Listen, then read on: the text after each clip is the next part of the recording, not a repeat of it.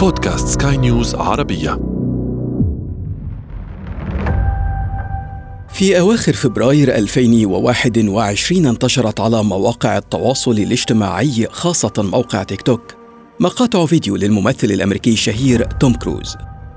كان كروز يتحدث إلى جمهوره. يؤدي في إحدى تلك المقاطع الخدعة السحرية الشهيرة بإخفاء قطعة معدنية من يديه ويلعب الجولف في فيديو ثان. What's up, TikTok? You guys cool if I play some sports?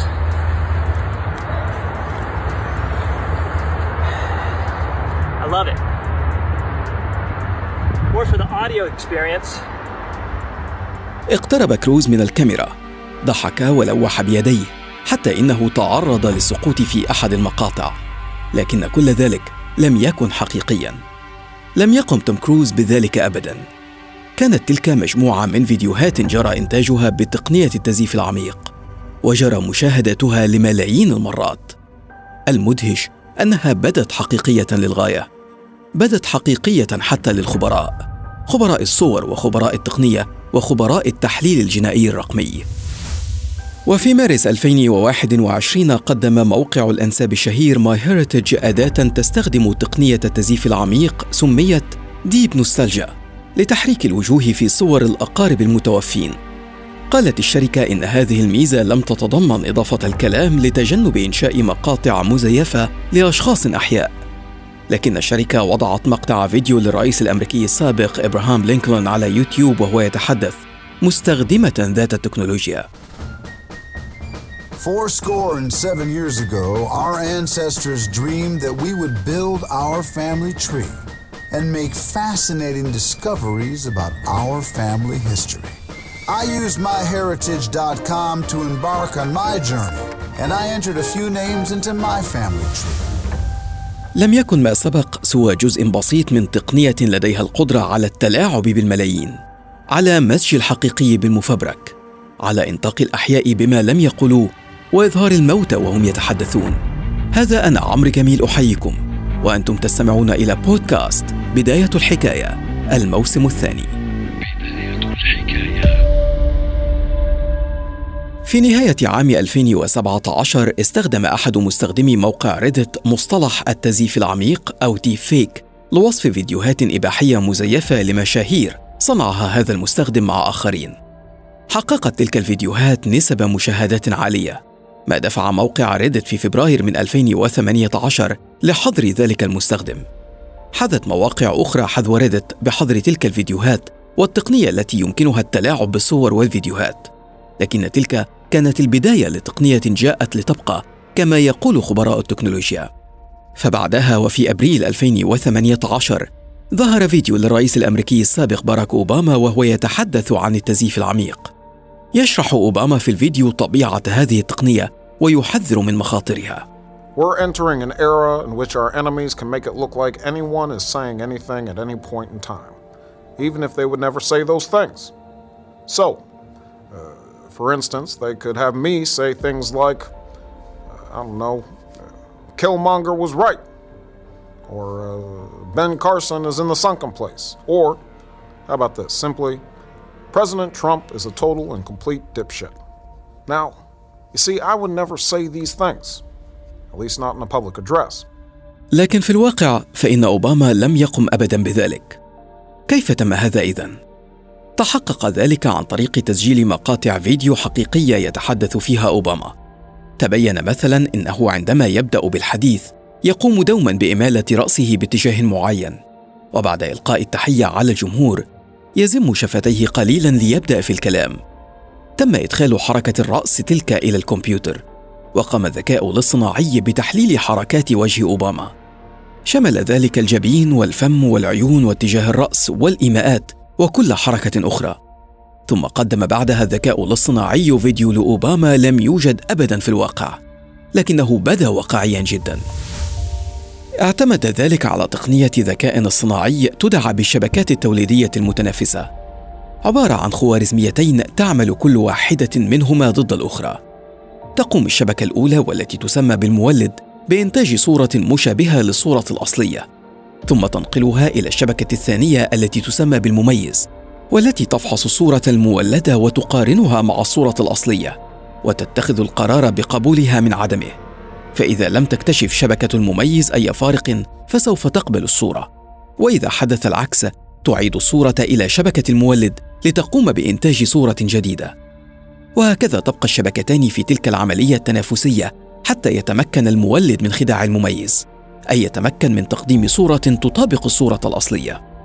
لم يكن ذلك المخيف فحسب في تلك التقنية. المخيف فعلا أن تلك التقنية بإمكانها التعلم ذاتيا وكلما زاد عدد البيانات المقدمة إليها أي الصور أصبح بإمكانها تقديم فيديو أكثر تعقيدا وواقعية وقدرة على الخداع. كما أن خطوات صناعة فيديو مزيف ليست صعبة جدا. في الخطوة الأولى يتم الاستعانة بفيديو حقيقي للشخص المستهدف وتقسيمه إلى آلاف الصور وتقديمها للذكاء الاصطناعي. الخطوة الثانية هي تصوير ممثل أثناء تقليد تعابير وجه الشخص المستهدف مع الحديث الذي نرغب في إضافته. فيما تعد الخطوة الثالثة وهي تزييف الصوت بدقة هي الأصعب. برغم أن شركات مثل Resemble AI تعرض ذلك بجودة مقبولة. يتم إمداد الشبكات التوليدية المتنافسة التي تحدثنا عنها بتلك المواد أو البيانات وهكذا تبدأ هي في عملها من دون تدخل بشري حتى تقدم لك فيديو مزيفا تزييفا عميقا التحدي الحالي يتعلق فقط بقدرة هذه التقنية على تقديم صور مطابقة تماما للصور الحقيقية أثناء الحديث والحركة والضحك والغضب. في حالة فيديوهات توم كروز كانت النتيجة ملفتة إلى حد بعيد، كما أن عاملي الدقة والوقت الذي قد يستغرق الآن أسابيع لإنتاج فيديو مزيف أصبح التعامل معه مسألة وقت فقط. في عام 2020 نشرت جامعة نيويورك تقريرا قالت فيه إن تقنية التزييف العميق ضمن أعلى ثمانية تهديدات مضللة لانتخابات الرئاسة الأمريكية التي جرت في العام نفسه. تم نشر مقاطع لسياسيين أمريكيين في مواقف محرجة مثل ظهور فيديو لرئيسة مجلس النواب نانسي بيلوسي تتحدث وكأنها مخمورة. وفيديو لدونالد ترامب يهين فيه النساء. كانت تلك الفيديوهات لأشخاص موجودين وأحياء. لكن في نفس العام 2020 أنتج والدان أمريكيان فيديو لابنهم الذي توفي في عام 2018 في حادثة إطلاق نار بمدرسته وهو يدعو للتصويت ضد إتاحة الأسلحة بسهولة في الولايات المتحدة. Yo, it's me. It's Guac. I've been gone for two years and nothing's changed, bro. People are still getting killed by guns.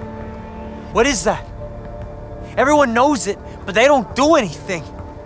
I'm tired of waiting for someone to fix it. The election in November is the first one I could have voted in, but I'll never get to choose the kind of world I wanted to live in. So you've got to replace my vote. خلف الفيديو آراء متناقضة. البعض وصفه بالمزعج وغير المقبول. آخرون انتقدوا استخدام صورة شخص ميت لنشر أيديولوجية سياسية. لكن المهم أن الفيديو الذي استخدم بضع صور فقط للشاب المتوفى بدا مقبولا من الناحية التقنية. في تقرير نشرته مجلة Cyber Security الأمريكية حذر من أن إنشاء مقاطع فيديو مزيفة بات من أسهل الممارسات مثل برامج ال Photoshop. أوضح التقرير أن تزييف مقاطع الفيديو يعتمد إلى حد كبير على تقنية التعلم الآلي بدلا من مهارات التصميم اليدوي ما يجعله أكثر دقة وخطورة حذر التقرير من إمكانية استخدام تلك الفيديوهات في إلحاق الضرر بأشخاص سواء على المستوى الأخلاقي أو المهني أو السياسي والتلاعب بآراء الملايين عبر نشر فيديوهات لم تحدث أبدا إذا هل من طريقة لكشف التزييف العميق؟ يقوم العلماء الآن ببحث أفضل طريقة ممكنة للتعامل مع تقنية الديب يأتي في مقدمة هؤلاء أستاذ تقنية المعلومات بجامعة كاليفورنيا البروفيسور هاني فريد مصري الأصل الذي يوصف بأنه أفضل خبير للطب الشرعي الرقمي. يقول فريد إن مواجهة فيديوهات ال deepfake تتم عبر صناعة المزيد من فيديوهات ال deepfake منح الذكاء الاصطناعي الفيديوهات الحقيقية والمزيفة والسماح له بعمل فيديوهات مزيفة تزييفا عميقا ثم إعادة إمداده بالبيانات التي يمكنه من خلالها التمييز بين الفيديوهات الحقيقية وتلك المزيفة. وأن يتم دمج برامج الكشف عن التزييف العميق في خوارزميات المواقع الإلكترونية ومواقع التواصل الاجتماعي لكشف ومنع الفيديوهات المزيفة من الانتشار. وهو أمر قامت به جوجل فعلا بشكل تجريبي بفحص أكثر من ثلاثة ألف فيديو للكشف عن التزييفات. قد يكون ما يطوره فريد وفريقه تقنية مقبولة حاليا للتصدي للديب فيك لكن هل سيمكنها التعرف على كل الفيديوهات المزيفة؟ أم أن الأمر سيبقى أشبه بلعبة فأر وقط مثل الفيروس والأنتي فيروس على الكمبيوتر؟ وماذا لو تم تطوير تقنية الكشف عن الديب فيك ليتم استخدامها فيما بعد لخلق تزييفات أكثر إتقاناً؟